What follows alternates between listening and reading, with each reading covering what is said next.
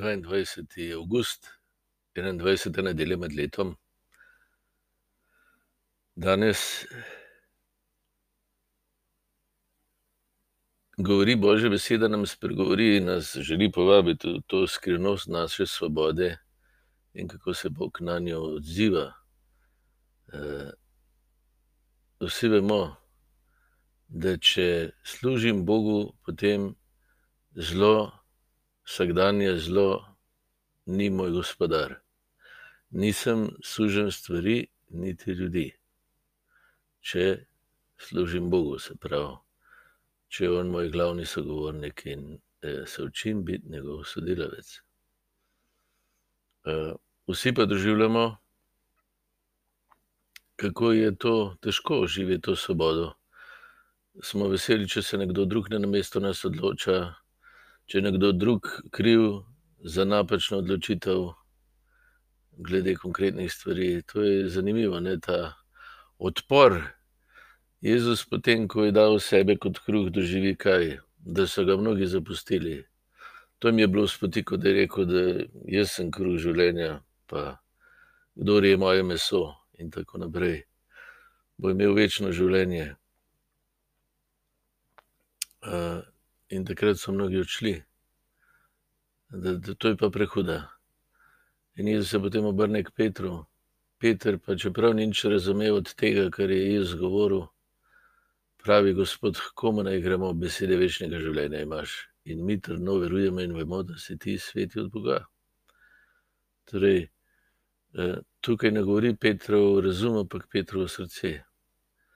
On čuti, da ima Jezus moč, ki je nihče nima.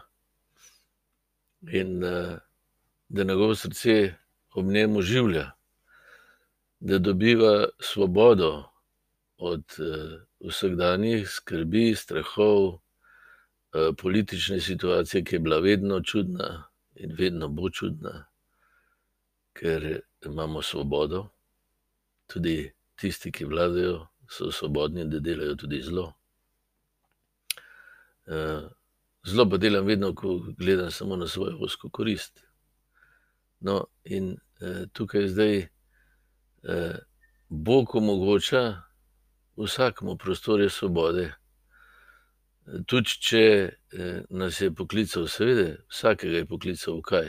Ja, v sogovornika in sodelavca, vsakega. Ampak zdaj to meni prepušča, ali bom odgovoril ali bom sprejel, da sem v njem že svoboden, tudi smrti, in, vsega zla, ki me tudi premaga, zaradi tega, ker sem kratkoviden, ker nisem vedno z njegovo besedo, ne znam ločiti zrna od plev oziroma pšenice od ljulke. Vedno. torej to, da nas je Bog izbral, še ne zagotavlja, srečnega izida. Da bo tudi naša svoboda iz tega živela. In tukaj je sedaj, se mi zdi, ta dar nedeljske božje besede. Da rečemo tako kot Peter vsako jutro, tudi če tri četrt stvari ne razumemo: "Gospod, komu naj gremo?" "Ja, k tebi gremo."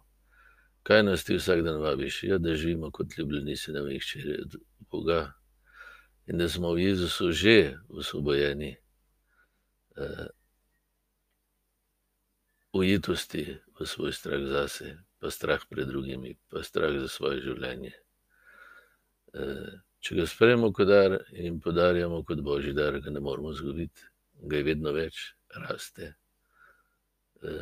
zadnja daritev je potem smrt. To kot Jezus jasno pokaže.